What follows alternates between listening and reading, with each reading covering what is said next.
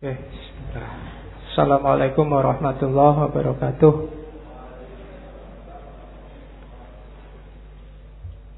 Bismillahirrahmanirrahim. Alhamdulillahi rabbil alamin. Wa bihi nasta'inu ala umuri dunya waddin. Allahumma salli wa sallim wa barik ala habibina wa syafi'ina Sayyidina wa maulana Muhammadin Wa ala alihi wa ashabihi ajma'in. Amma ba'du. Uh, Yang ngaji kita sudah diawali dengan dua kali surat fatihah. Kita genapkan tiga kali ya. Kita kirim lagi fatihah untuk ayahnya saudara kita Mas Masud. Masud ini generasi paling awal dari ngaji filsafat sampai hari ini paling setia. Oke, kita tambah sekali lagi Fatihah ya. Ala hadhihi niyah khususon ila abi akhina Mas'udi Rahman syai'ulillahi lahul Fatihah. A'udzu billahi minasyaitonir rajim. Bismillahirrahmanirrahim. Alhamdulillahi rabbil alamin. Arrahmanir rahim. Maliki yaumiddin. Iyyaka na'budu wa iyyaka nasta'in. Ihdinas siratal mustaqim. Siratal ladzina an'amta 'alaihim ghairil maghdubi 'alaihim waladdallin. Amin. Oke. Okay. Semoga amal baik beliau diterima oleh Allah. Salah dan khilafnya diampuni. Baik, sekarang kita lanjutkan ke ngaji filsafat kita. Malam hari ini kita awali sesi pra-Ramadan jadi satu bulan ke depan Targetnya ngaji kita Menyiapkan mental kita Memasuki bulan Ramadan. Temanya adalah Ibadah. Bahasa Inggrisnya ibadah itu Religious service. Saya tidak tahu orang Inggris menyebutnya religious service. Kalau prayer itu kita sholat artinya doa tapi kalau ibadah untuk semua jenis ibadah mereka menyebutnya religious service. Itu kalau bahasa Indonesianya layanan keagamaan. Bukan kok servis mobil atau servis motor, pokoknya itu isinya semua ibadah. Malam ini kita coba mengunjungi beliau. Sudah lama saya ingin ngangkat beliau, cuma Baru malam ini sempat Syekh Abdul Qadir Jailani Sufi yang paling populer di Indonesia Di anak benua India khususnya. Mungkin teman-teman yang di kampung-kampung Mungkin juga sampai hari ini masih ada tradisi manakib Atau manakipan Manakiban itu membaca riwayat hidupnya beliau Syekh Abdul Qadir Jailani. Sebenarnya memang masuknya Syekh Abdul Qadir Jailani lewat torikotnya, namanya torikot Qadiriyah. Tapi uniknya di Indonesia itu manakiban itu tidak cuma untuk ahli torikoh Qadiriyah, biasanya di kampung-kampung oleh kiainya ya semua ikut Pokoknya manakiban. Meskipun hari ini banyak yang nyinyir terhadap manakib. Ada yang bilang bid'ah lah, ada yang bilang banyak hurufatnya lah, macam-macam. Biarlah yang nyinyir dengan kenyinyirannya. Kalau dibantah ya mudah gegeran. Manakib itu kan dari akar kata mangkobah. Mangkobah itu cerita tentang kebaikan. atau kesolehan seseorang. Jadi manakib itu hanya untuk orang-orang baik. Tidak mungkin ada manakib Abu Jahal, itu tidak ada. Manakib Hitler itu tidak ada. Jadi manakib itu untuk orang-orang baik. Dibaca ya tidak apa-apa. Dari riwayat hidup mereka kita bisa mengambil banyak ibroh, banyak pelajaran. Nanti ada yang bilang, Mbok yo ngaji aja, baca Quran, baca hadis, sudah. Yo ngaji ya, baca hadis iya, baca manakib iya, kan tidak apa-apa. Yang ngelarang manakib kadang-kadang juga males ngaji. Males baca hadis. Sudah, mereka sudah. Jalannya hidayah Allah itu kan lewat macam-macam. Kita kejar dari semua jalur. Entah nanti datangnya lewat mana. Mungkin baca Quran, baca hadis, tidak paham-paham, diinspirasi oleh riwayat hidupnya para wali, orang-orang suci, terus terbuka kesadarannya. Kan mungkin saja. Jadi itu. Jadi tidak usah galau kalau ada yang ngeritik-ngeritik. Ya yang ngeritik silahkan jalan dengan jalurnya sendiri. Kita punya jalur sendiri. Oke. Syekh Abdul Qadir Jailani ini dikenal punya gelar Muhyiddin, dikenal juga punya gelar Ghausul A'zam. Ghausul A'zam itu penolong besar. Kenapa penolong besar? Ya karena ajaran-ajarannya membuat kita sadar terus selamat di akhirat. Akhirat itu kan urusan besar. Kalau pertolongan urusan dunia aja kita sangat terima kasih, apalagi urusan akhirat. Makanya beliau digelari Ghausul A'zam dan Ghaus ini kan jenis wali ranking 2 kelihatannya di bawah kutub. Jadi beliau wali besar. Nanti ada cerita seorang sufi hampir dua abad sebelum Syekh Abdul Qadir Jailani yang sudah meramalkan bahwa besok ada wali namanya Abdul Qadir yang lebih besar dari hampir semua wali. Wali ini namanya Junaid.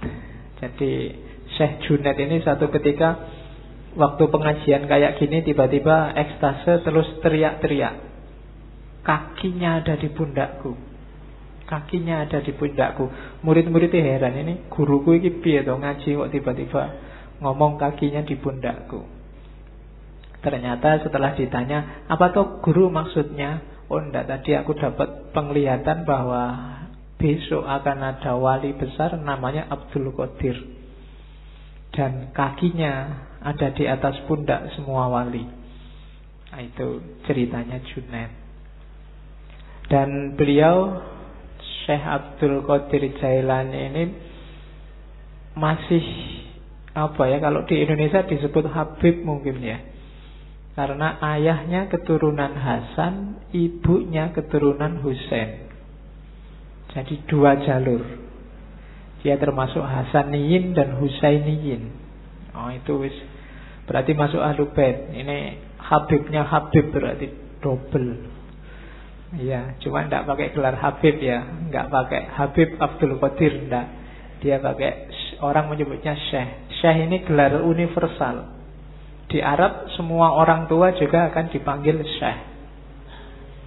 Jadi tidak pamer kehabibannya, tapi aslinya sudah Habib.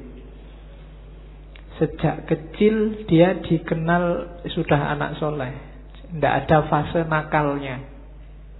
Jadi sudah baik sejak kecil Kan ada cerita sangat terkenal Waktu dia masih sangat muda Umur belasan tahun Pingin nyari ilmu ke Baghdad Ibunya yang janda saat itu susah melepas anak ini masih sangat kecil Akhirnya terpaksa dititipkan kafilah Dikasih sangu uang 80 keping uang ditaruh, dijahit di bajunya.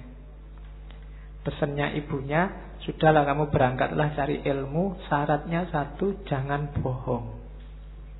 pada siapa pun tentang apa pun. Dan di tengah jalan ternyata dirampok kafilah ini. Semua barang-barangnya diambil. Tidak ada yang nganggep si Abdul Qadir ini. Sampai kemudian ada perampok yang tanya Kamu punya harta apa? Masih kecil. Abdul Qadir bilang Saya tidak bawa apa-apa. Cuma tadi dititipin ibu di bawah baju ini dijahit jadi perampoknya heran. Kok kamu diem aja kita juga tidak percaya Kalau kamu punya barang Kok malah kamu cerita? Katanya Syekh Abdul Qadir Jailani muda Loh ibu saya pesennya nggak boleh bohong. Dan gara-gara ini Kabarnya terus Perampokannya nggak jadi Perampoknya tobat. Iya jadi itu yang saya sebut jalur hidayah itu dari mana saja maka orang yo nyari hidayah dari macam-macam. Jangan disalah-salahkan. Kalau amal itu amal kebaikan. Lu kan amal kebaikan yang lain banyak. Lah iya jalurnya banyak. Ya yang yang lain juga dilakukan macam-macam. Nanti dari salah satunya mungkin akan datang hidayahnya Allah. Nanti Syekh Abdul Qadir ini ada cerita waktu di Baghdad pingin daftar ke universitasnya Ghazali, Madrasah Nizamiyah. Tapi nggak diterima. Ya, mungkin ya kayak kalian mungkin ngelamar di kampus mana, UGM apa mana terus ditolak. Tidak apa-apa, tidak usah galau. Si Abdul Qadir Jailani juga nggak diterima kok awalnya. Dari situ terus dia nyari guru-guru yang lain banyak gurunya, orang-orang suci, orang-orang terkenal, termasuk yang paling dekat ada Syekh namanya Syekh Hamad. Syekh Hamad ini penjual sirup di pasar. Tapi termasuk seorang wali besar. Dan nanti dari banyak wali inilah dari banyak ulama Syekh Abdul Qadir Jailani belajar. Awalnya sebenarnya dikenal juga sebagai ahli fikih fukoha. Tapi kemudian mengembangkan ilmunya dan masuk ke dunia tasawuf. Sampai kemudian dikenal sebagai guru besar. Ceritanya satu ketika sebenarnya dia tidak pingin ceramah-ceramah, ngajar-ngajar itu. Tapi ceritanya si Abdul Qadir sendiri tiba-tiba ada dorongan kuat sekali dari dirinya untuk ngomong. Akhirnya apa ya kalau hari ini kultum lah dia dengan audien paling ya orang orang sekitarnya termasuk yang ada di masjid. Begitu dia ngomong ceramah, banyak orang yang terpengaruh. Besoknya masjidnya penuh. Besoknya lagi luber sampai halaman. Besoknya lagi sampai sealun-alun kota. Besoknya lagi orang satu kota sampai ceritanya si Abdul Qadir kalau ceramah biar kelihatan naik ke menaranya masjid. Jadi ya karena audiennya orang babat, orang soleh-soleh. Kalau di Indonesia ya susah. Kamu ceramah sampai capek ya yang datang ya paling berapa. Zaman itu. Dan beliau dikenal kemudian sebagai wali besar dengan segala cerita. Kalau di kitab-kitab manakib itu kan banyak cerita-cerita karomahnya. Itu yang sering dikritik oleh orang yang tidak suka manakib. Di situ banyak cerita yang tidak masuk akal. Ya jawabannya gampang lah namanya aja karomah. Definisinya yang khawarikul adat mesti. Ya pasti tidak masuk akal. Kalau masuk akal namanya bukan karomah. Kalau ndak aneh ya namanya bukan karoma. Itu kan sebagai bukti antara lain Untuk menguatkan kewaliannya. Sama kayak Nabi dengan mukjizat. Mukjizat ya pasti nggak masuk akal. Untuk Nabi namanya mukjizat Untuk wali namanya karoma. Jadi kalau ada orang mengkritik di situ banyak peristiwa yang tidak masuk akal. Lah iya makanya namanya karomah. Kalau masuk akal namanya peristiwa biasa. Jadi itu tentang manakib. Kapan-kapan kita ngomong cara menyikapi kisah-kisah luar biasa. Kalau dalam tradisi antropologi namanya mitos. Ya kadang-kadang dipahami secara harafiah kayak karomah tadi, kadang memahaminya harus secara simbolik, kadang memahaminya harus secara eksistensial. Cuma ini kapan-kapan menjelaskannya, karena frekuensinya beda. Malam ini frekuensinya frekuensi yang melampaui akal. Jadi kalau bahasanya Hussein Nasr namanya intelijensi. Intelijensi itu lebih dari sekedar akal dan panca indera. Dunia tasawuf itu tidak sekedar sampai akal. Kalau hanya sampai akal, ya lahirnya kayak filsafat barat. Tapi melampaui itu. Melampaui itu bukan nggak pakai akal. Iya pakai akal, tapi tidak sekedar akal. Alatnya tidak cuma akal. Intuisi juga main. Insting juga main. Naluri juga main teks juga main, nas juga main. Jadi lebih kompleks. Itu yang terjadi di dunia tasawuf. Kalau dunia fikih fokusnya hanya teks. Kalau dunia filsafat fokusnya kebanyakan akal. Tapi di tasawuf semua dipakai. Itu yang bikin tasawuf agak rumit kalau dikaji. Oke, saya Abdul Qadir Jailani ini sebenarnya hobinya memang ilmu dan suluk. Cuma karena mengikuti sunnah Rasul ya beliau nikah juga. Nikahnya umur 51 tahun. Ya. Cuma nikah umur 51 nanti beliau meninggalnya umur 90. Nikah umur 51 istrinya langsung 4. Iyalah, lo kan levelnya wali mesti banyak yang mau lah. Nikahnya empat dan nanti beliau punya anak empat puluh sembilan. Dua puluh laki-laki dan sisanya perempuan. Ya tinggal kamu lah rata-rata berapa satu istri. Oke, berarti kan produktif kan, ilmunya produktif, tasawufnya produktif. Ya, dan hampir semua putra-putrinya jadi orang-orang besar di dunia tasawuf. Beberapa kemarin keturunan ke-19 atau 17 itu diundang ke Indonesia. Yang saya ingat belakangan di waktu harlahnya muslimat. Itu keturunan Syekh Abdul Qadir Jailani keberapa. Terus beberapa tahun sebelumnya juga ada. Banyak yang memang jadi orang besar. Makanya kiai-kiai kalau di Jawa itu banyak yang istrinya lebih dari satu. Logikanya apa? Orang-orang ini kan dianggap orang-orang berkualitas. Nah, orang-orang berkualitas ini diharapkan melahirkan generasi yang berkualitas juga. Maka jangan sampai anaknya cuma sedikit, eman-eman. Bahasanya orang Jawa kan yang bisa melahirkan macan kan hanya macan. Nah, orang-orang ini logikanya kayak macan.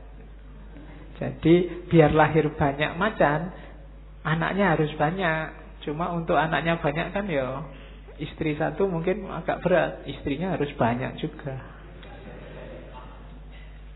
Nah, pakai alasan ini ya. Oke. Jadi kalau ada yang mau nikah lagi, saya ini tergolong macan loh. Iya, macan ompong. Oke. Jadi itu Syekh Abdul Qadir Jailani. Kitab-kitabnya yang paling terkenal tiga, belum termasuk Sirul Asror.